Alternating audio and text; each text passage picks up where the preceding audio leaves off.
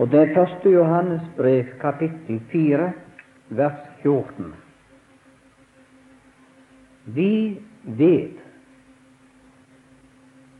at vi er gått over fra døden til livet. Sådan hadde de første kristne det. Vi vet det. De var full viss på det. At de var gått over fra døden til livet. Det er ikke alle som er enige om at man skal ha det så klart og være viss. En stund i landet her for år tilbake siden var det tegn på gammel, god norsk og til og med luthersk kristendom hvis de kunne helst leve i uvisshet og mørke og antektelse i det spørsmålet. Men nå skal du høre hva Luther sier. Du må være så viss på at du er frelst at du kan dø på det tusen ganger. Det er luthersk. Og det er også bibelsk. For vi vet vi er gått over fra døden til livet. Du må være så viss på at du er frelst, at du kan dø på det tusen ganger.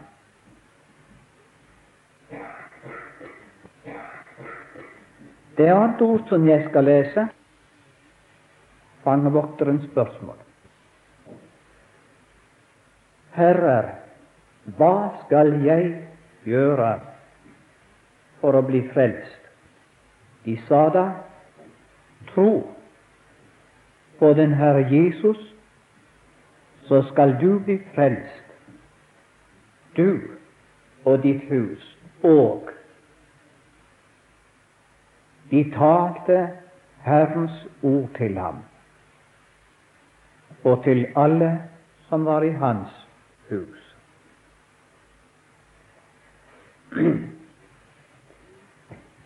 Veien til frelse og visshet går gjennom to ting, kan vi si. Det ene er å høre evangeliet, eller ordet. Og det annet er å tro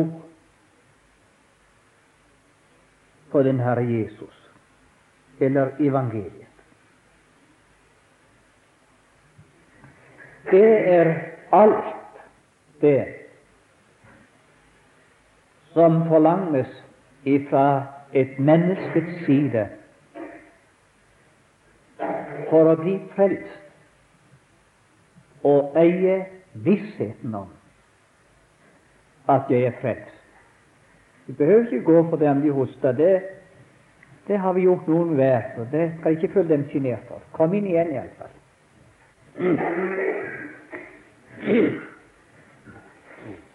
For eksempel i første, nei, i Johannes 5, 24 står disse ordene Sannelig, sannelig, sier jeg eder, den som hører og tror,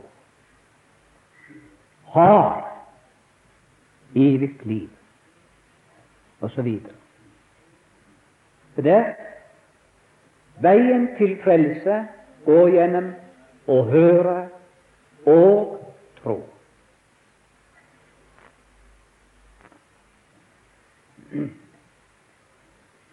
Dette med å høre, det har også med omvendelsen å gjøre.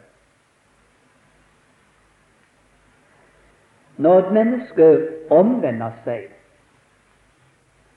så betyr ikke det i første rekke at han skal slutte og slutte og slutte med den og med den og med den synd og syndevane. De som forkynner omvendelsen der, forkynner feil. For det er ofte der et vaktkjempende menneske holder på og skal få bukt med sin vanesynd og andre ting. Og så har de ikke åndskraft til å slutte med. Omvendelsesforkynnelse etter Bibels mønster og apostelgjerningenes mønster. Det var å få mennesket til å vende seg imot Kristus og høre Han tale til dem. Det var det første skritt i omvendelsen. For si dere, så lenge et menneske ikke er omvendt, så kan det illustreres på denne måte. Han har satt fingrene i ørene, og så vendt ryggen imot Gud, og så går han imot helvete. Omvendelse betyr at han skal kalles til å vende om imot Gud. Ta fingrene ut av ørene og så høre hva det er Gud vil.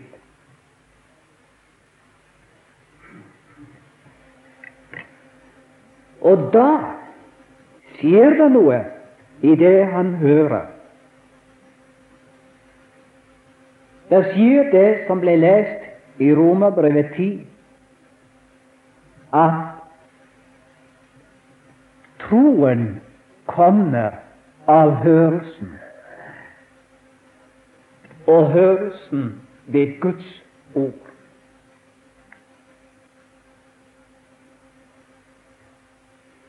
Og så kan det samme mennesket begynne å tro.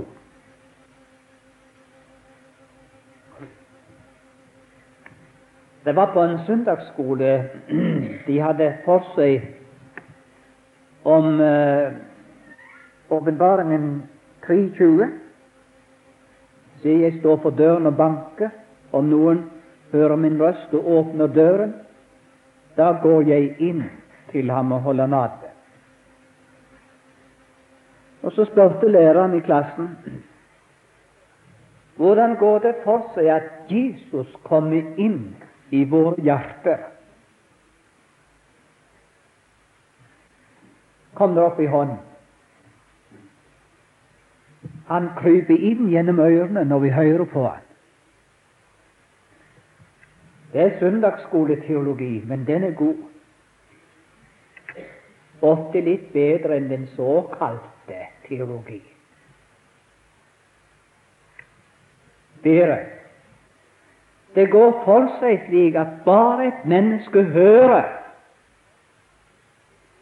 så kryper Jesus inn gjennom høreorganene. Et menneske kommer til troen.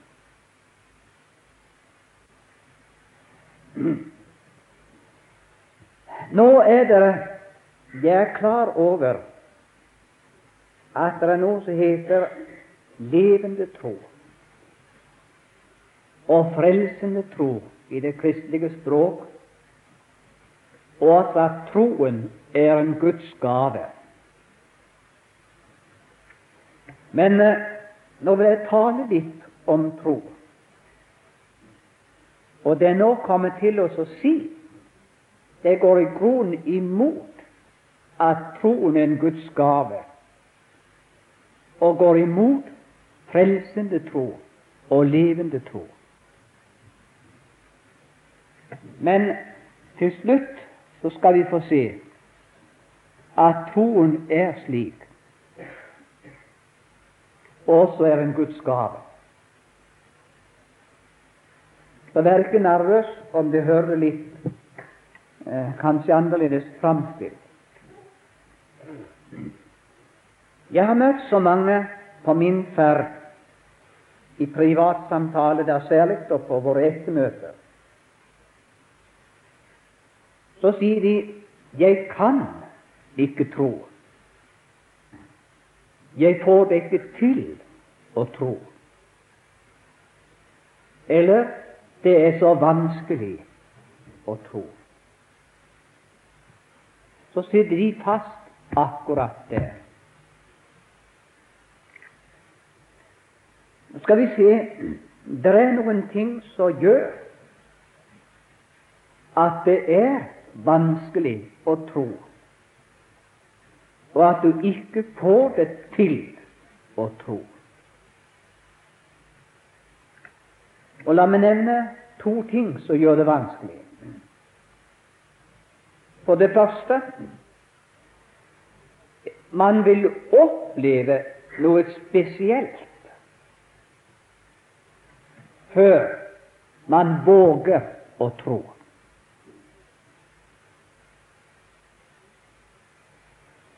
Man vil oppleve noe spesielt. Og det man vil oppleve, er noe av de kristnes erfaring. Eksempel fred, glede og visshet. Og hvis jeg kunne få oppleve dette først, da ville jeg tro.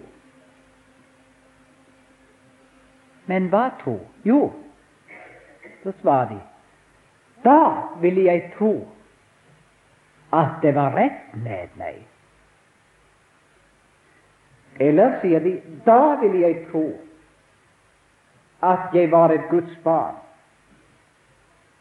Da vil jeg tro at jeg er frelst. Hvor står det i Bibelen at du skal tro du er et Guds barn? Det har jeg aldri enda funnet. Hvor står det i Bibelen at du skal tro du er frelst? Det har jeg heller aldri funnet.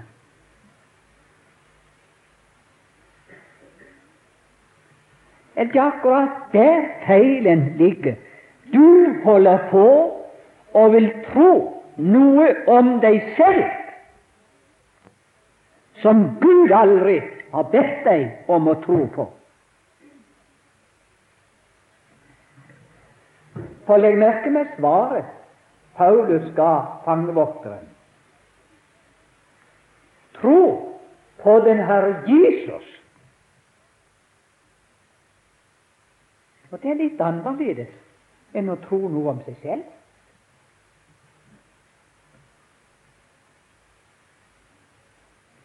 I spørsmålet frelse sies det ingenting i Bibelen at du skal tro noe om deg selv og på deg selv.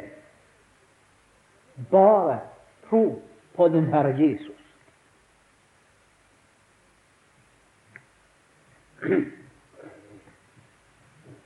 Eh, det Rosinius han har sagt i en av sine skrifter Begynn å tro før du kan tro.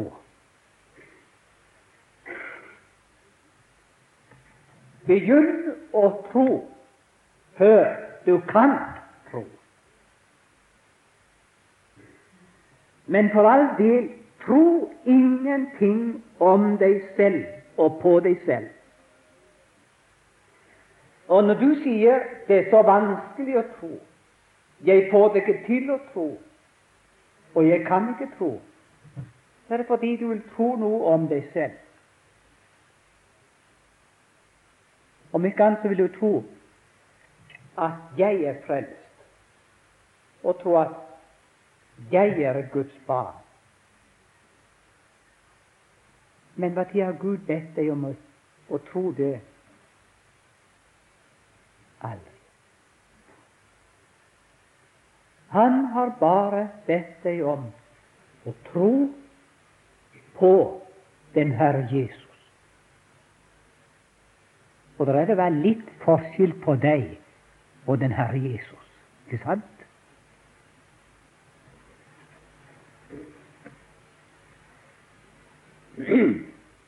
Den andre vansker som mange sitter fast i, er de er mer opptatt med troen enn den gjenstand de skal tro på til frelse. Hvis jeg bare kunne tro, hvis jeg bare kunne tro, sier de. Hvis jeg bare fikk det til å tro. Så de opptatt med selve troen istedenfor å være opptatt med hva de skal tro på.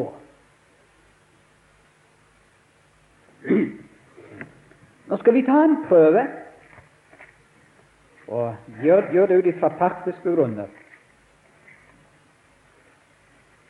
Vi skal ta en prøve på om dere kan tro, dere som sitter her. Det står i Johannes 3, vers 35 Faderen elsker Sønnen. Det er Jesus som sier det om seg selv. Faderen elsker Sønnen, den Herre Jesus. Kan du tro det?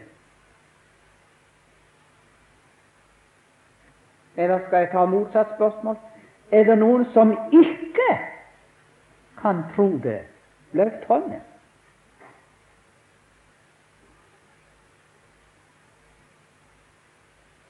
Ja vel, det var ingen hånd som kom opp. Etter det så har jeg lov å regne med at alle sammen kan tro det. Men da tror du på Jesus. For det er Jesus som sier det. Og den Jesus som taler sant. I Johannes 3, 35 Han taler sant. Hvor? Han taler, og i alle spørsmål han taler. Så han er like god å stole på Johannes 3, 35, som eksempel eh, Romerbrevet 5, 4, er det vel, som vi hørte herifra. Eller var det 4, 5? Den som ikke har gjerninger, men tror på Ham som rettferdiggjør den ugudelige. Han regnes hans tro til rettferdighet like godt å stole på det som på det. Venner, den der fare å være opptatt med troen istedenfor hvem og hva jeg skal tro på, den er ikke bare den frelsessøkende og den uvisse som plages av det, men endog eldre troende kjemper med. Jeg minnes for år tilbake siden Å ja, for tidens skyld lar det gå ifra. Men eh, det var en mann som kom en gang til doktor Torrey. Og han ville få det godt med Gud og bli frelst. Og så beklagte han seg nettopp over det spørsmålet, doktor Torrey. Jeg kan ikke tro. Jeg får det ikke til å tro. Så spurte doktor Torrey hvem er det du ikke kan tro på? Nei, de forstår meg visst ikke. Jeg, jeg kan ikke få det til å tro. Hvem er det du ikke kan få det til å tro på? Sånn holdt han på. Samme var den stakkaren la til grunn for at han ikke kunne tro. Torg bare holdt han fast overfor spørsmålet hvem er det? Hva er det du ikke kan tro på? Videre. Sitter du i forsamlingen som kjemper med troen, still deg akkurat det samme spørsmål hvem er det jeg ikke kan tro på? Og du ser det klart med en gang hvor feilen ligger. Disse vanskene dine er nettopp det er noe du kjemper med, som du ikke skal kjempe med. Det er troen du er opptatt med, istedenfor ham du skal tro på. For hør når din tro klynger seg i tillit overgivelse og utlevering til Kristus, så går det, går det ut en kraft ifra Kristus som atter igjen levendegjør din tro. Og så blir troen frelsende.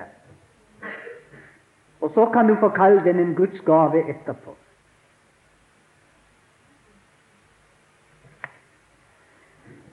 Eh, den kjente det er predikanten Gjerdal, som mange kjenner fra Sørlandet iallfall, burde kjenne det, når de eldre. Han brukte ofte en illustrasjon som er så veldig god. Han sa det slik Sett nå at troen og Jesus kom spaserende inn til deg en dag. Og så sa Jesus nå kan du få lov å beholde en av oss to. Vil du at troen skal stanse hos deg, så går jeg. Vil du at jeg skal stanse hos deg, så går troen. Står deg helt fritt å velge hvem av oss to du vil skal stanse hos deg. Hvem ville du skulle stanse hos deg? Er det noen som vil svare? Jesus. Om det er troen som svarer slik. Og den som svarer slik i kveld Jesus. Det er troen som har grepet Jesus og holder Jesus igjen. Så kan troen gå sin vei for meg. For bare jeg har Jesus, er det nok. Så sitter du gjerne her og sier ja, men hvordan skal jeg få tak i Jesus? Og hvordan skal min tro få feste i ham da? Da vil jeg gjøre deg oppmerksom på noe her. Si noe svaret som fangevokteren fikk. De sa da tro på den Herre Jesus, så skal du bli frelst, du og ditt hus. God natt, fangevokter. Gå nå hjem, og så klem i vei og tro alt det du kan. Men glem bare ikke å tro på den Herre Jesus.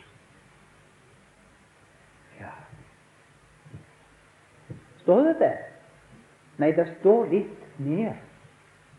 Og det er litt mer som er så meget viktig i dette avsnittet.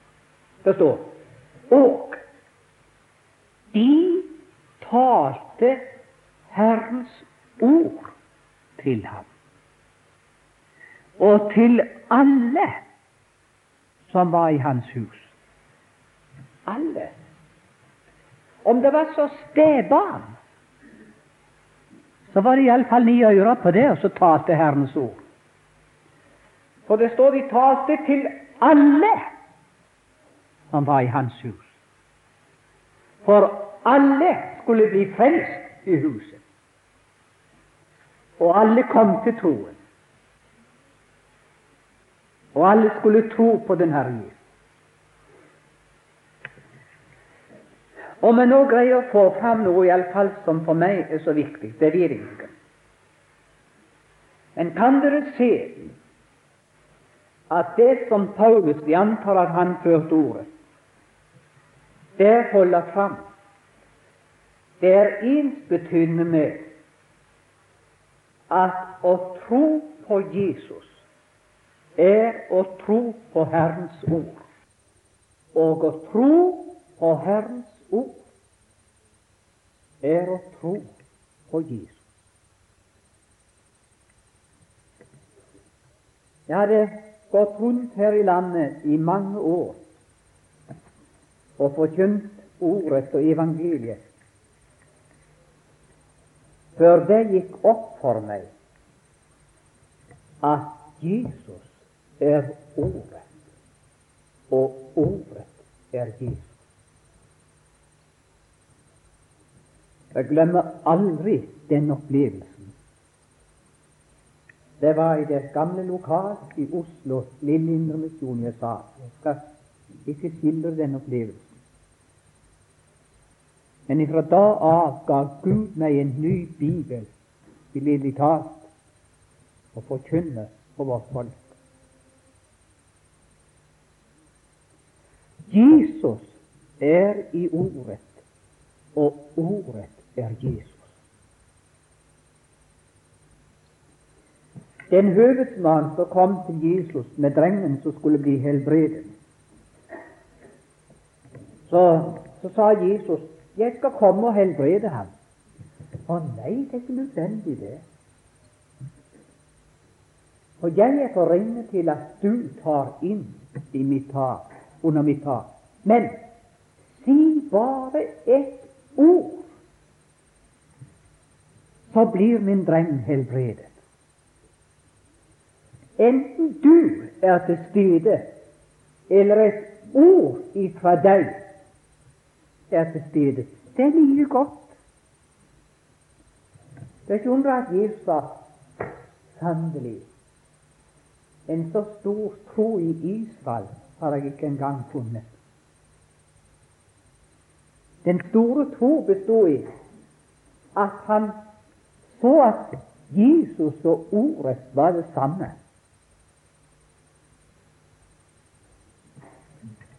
Og Nå skal du høre Det var også lest i kveld, men kanskje litt mer skal vi ta med. Fra Romerbrevet 10. Rettferdigheten av troen sier så Si ikke i ditt hjerte hvem skal fare opp til himmelen og hente Kristus ned.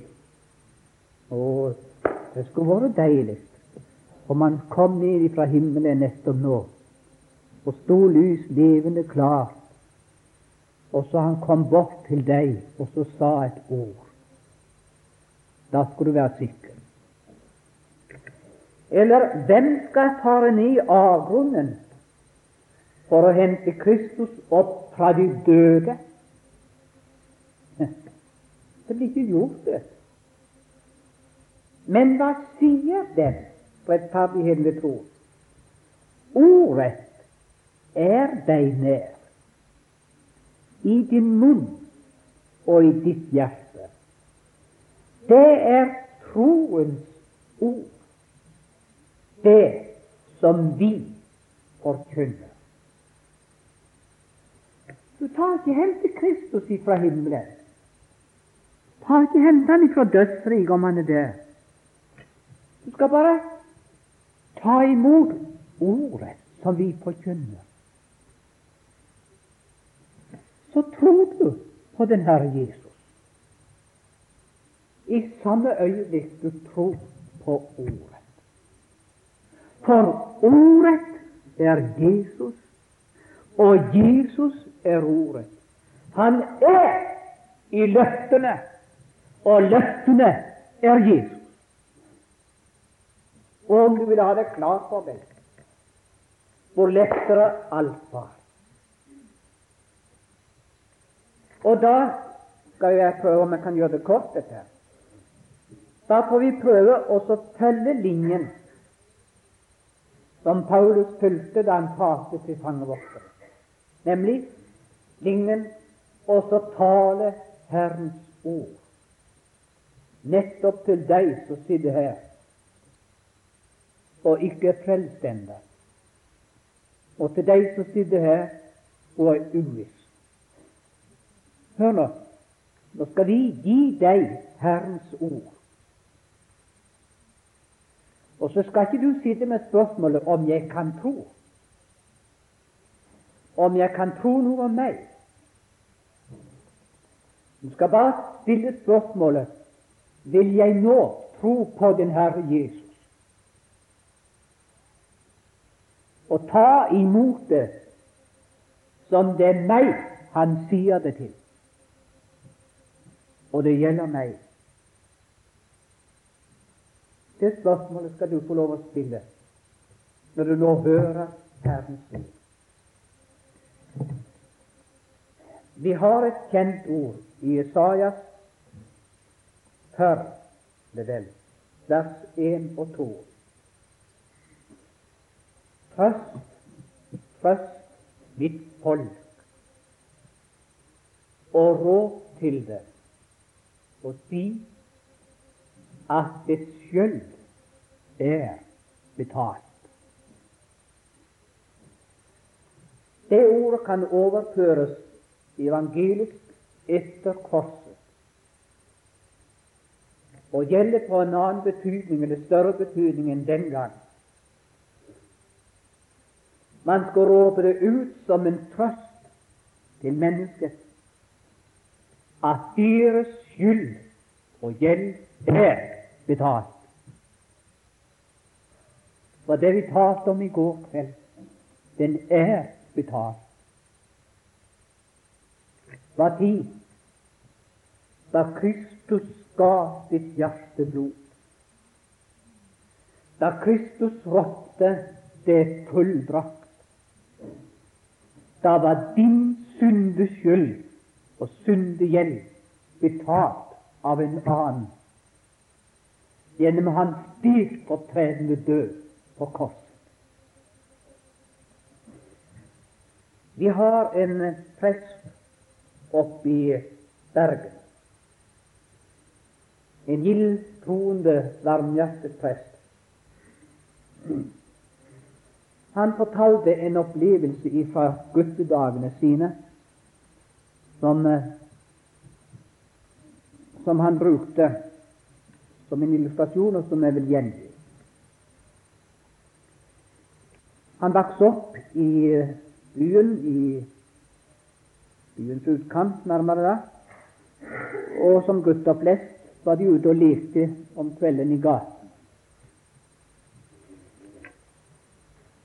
Og der gjorde han seg skyldig i og så knuste ei stor speilglassrute. Han visste med en gang at det var far som måtte stå innenfor den. Og han visste også at han var den skyldige og måtte ta sin straff for det. Også istedenfor å gå hjem den kvelden, så rømte han på den andre kanten av byen og gjemte seg der. I sine timer kom, gatene ble tommere og tommere,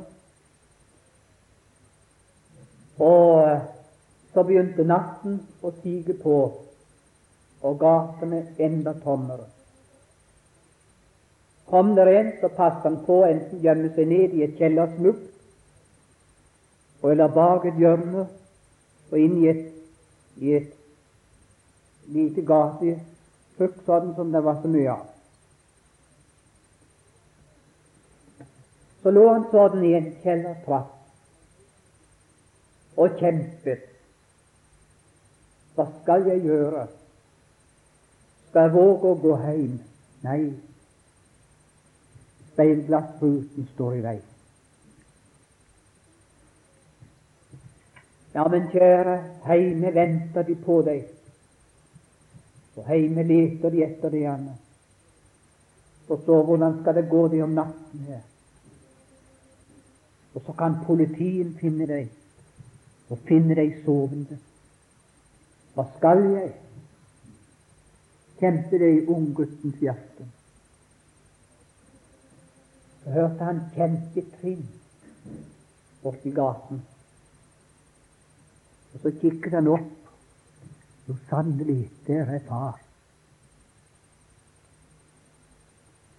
Så ser han far stoppet i et stort gatekryss og vender seg og ser og speider til alle kanter. Så brøt det for alvor der inne. Hva skal jeg? Skal jeg komme fram og vise meg for far? Skal jeg våge å springe i hans armer og bekjenne hva jeg har gjort? Det siste seiret. Han kom seg opp av kjellertappen,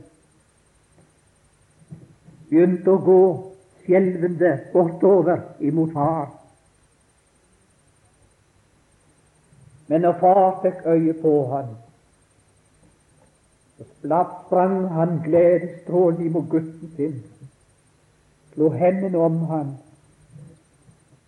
så sa far, Anton, ruten er alt betalt. Anton, ruten er alt betalt. Så sa Anton senere det er det vakreste ord jeg har hørt av fars munn. Det går aldri ifra meg. Himmelens Gud står i evangeliet i kveld og forkynner akkurat det samme til deg. Anton, eller hva du heter, ruten er betalt. Tror du Anton tvilte på far? Har bare en ting å gjøre ta far fast i hånden og følge han hjem. Gjør du det samme i kveld? For løftene kan ikke svikte. Nei, de står evig fast. Eller vi tar det kjente ord i første Johannes brev kapittel 1, vers 9. Dersom vi bekjenner våre synder, da er Han trofast og rettferdig, så Han forlater oss syndene. Jeg skal jeg knytte to illustrasjoner eller opplevelser til. For år tilbake så hadde vi et bibelkurs bort på Helleland for ungdomsskolen der. Etter kveldsmøtet, det var en varm sommerkveld, så gikk vi en tur langs veien. Og to unge jenter kom etter og spurte eller ba om en samtale. Den ene var en lykkelig kristen, den annen var av disse uklare. Og meningen var vi skulle hjelpe henne. Så falt meg inn og så spørre først hvor hun var ifra, og spurte neste spørsmål Er det lenge siden du bestemte deg? Det er fire år siden, sa hun. Må jeg så få spørre deg, hvor har du gått av med din synd i disse fire år? Ja, hva mener du, spørsmålet? Jeg mener til hvem har du snakket ut med om din synd og bekjent din synd? Selvfølgelig til Jesus, sa jeg. Og det har du holdt på med i fire år. Ja, sa hun. Det har holdt på med i fire år. Jeg ville med vilje sette det litt på spissen. Ja, er det virkelig at du har holdt på med det i fire år? Ja, sa hun. Så ble hun også litt ivrig. Det er ikke farlig om du blir ivrig da. Ja, så jeg. Men da får vi se hva Jesus har gjort i fire år. Så slo jeg opp 1. Johannes 1, 9. Dersom vi bekjenner våre synder i fire år Hva har han gjort i fire år? Les videre. Trofast og rettferdig, så han forlater. Ser du? Dersom vi bekjenner i fire år Hva har han gjort i fire år? Han har forlatt seg i fire år. Så sto midt på veien, og så slo hun hendene sammen. Og så sa Og gudskjelov, så har jeg vært frelst i fire år og ser det først i kveld. Hva var forskjellen? Da var det Guds ord som hun gjorde til sin visshet. Tidligere var det troen og opplevelsene og erfaringene. Ville kjenne og oppleve og noe som hun kunne tro om seg selv. Men nå var det Ordet som viste henne og ga henne vissheten. Mange år har du gått til Jesus med din synd, unge troende. Hør, dersom jeg går i fem måneder, i to år, i tre år, i ti år, i 50 år, i 60, i 99 år og bekjenner, så forlater han. Løftene kan ikke svikte dersom vi bekjenner. Han forlater. Det var redaktør Lavik, Johs Lavik av Dagen. Han fortalte så fint en gang han skulle gå til kontor en morgen. Og så innhentet han to skolepiker som han gikk bak, og hørte den ene prøvkjørte den annen i dagens religionslekse. Og leksen besto bl.a. i at de skulle lære, eller kunne, dette verset utenat.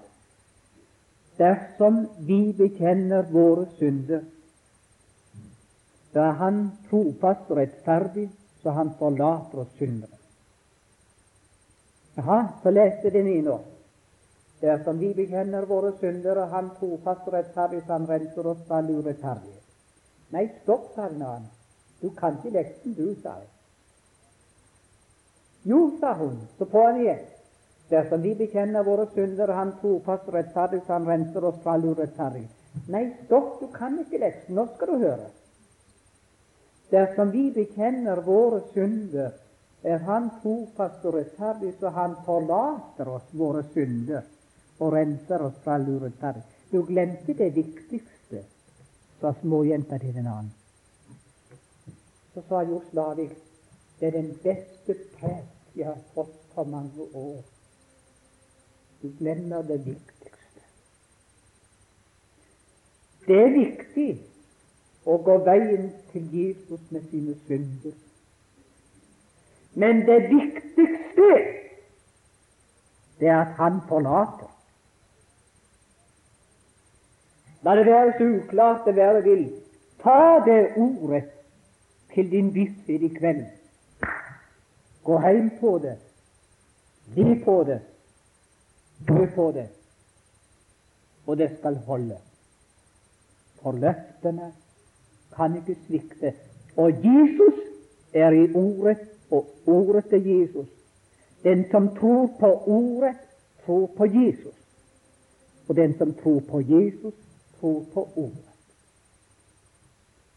Herre, velsign våre hjerter og la Den hellige ånd fremdeles gi oss opplysning for og forstå evangeliet.